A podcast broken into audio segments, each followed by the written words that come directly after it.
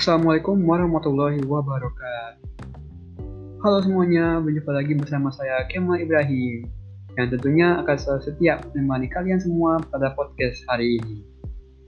Oke, pada podcast hari ini saya akan membahas tentang suatu hewan yang unik di dunia, yaitu adalah hewan platypus. Nah, tahukah kamu bahwa hewan platypus merupakan hewan yang termasuk ke dalam golongan hewan monotremata? Nah, Hewan monotremata ini merupakan hewan mamalia yang bertelur juga dapat melahirkan. Nama platypus itu sendiri berasal dari kata Yunani, yaitu platupous yang berarti kaki rata. Kemudian tahukah kamu bahwa nenek moyang pertama kali platypus ukurannya jauh lebih besar dibandingkan platypus yang sekarang? Ukuran platypus yang sekarang hanya berkisar 45 cm saja. Tetapi untuk ukuran nenek moyangnya terdahulu bisa mencapai 90 cm. Dan yang tentunya yang pejantan lah yang umumnya lebih besar dibandingkan yang betina. Platypus ini merupakan hewan endemik dari Australia, terutama Australia Timur dan Tasmania. Platypus merupakan hewan semi akuatik. Mereka hanya bergantung pada air tawar untuk bertahan hidup dan umumnya bisa ditemukan di perairan sungai. Tahukah kamu bahwa mereka tidak bisa melihat di dalam air? Sehingga platypus harus menutup mata dan telinganya di dalam air. Dan mereka menggunakan paruhnya untuk merasakan lingkungan di sekitarnya. Paruh dari platypus bertekstur kasar dan sangat sensitif, sehingga paruhnya sangat berguna untuk berburu makanan karena memiliki elektroreseptor yang berguna untuk mendeteksi arus listrik yang dihasilkan oleh mangsanya.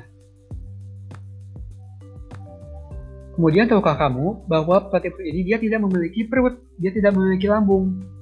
Sehingga perutnya ini dia tersambung langsung dari kerongkongan langsung ke usus. Jadi pada saat dia mengunyah makanannya, dia mengolah makanannya, makanannya tuh harus benar-benar lembut agar bisa dicerna oleh ususnya. Karena platypus ini dia tidak memiliki lambung.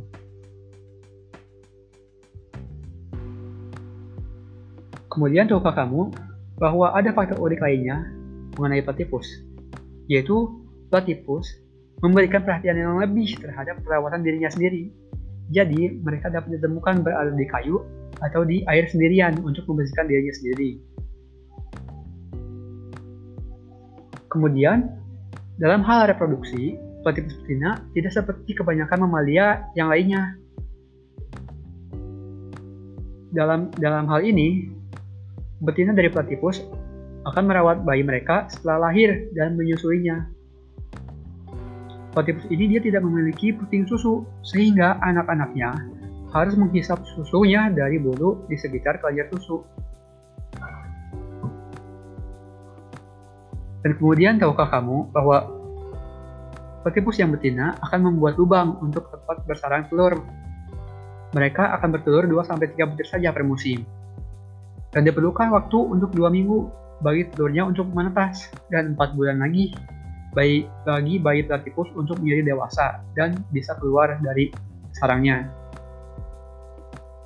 Nah, mungkin cukup uh, itu saja beberapa faktor unik dari hewan platypus Terima kasih telah mendengar podcast hari ini. Sampai jumpa lagi di lain waktu. Wassalamualaikum warahmatullahi wabarakatuh.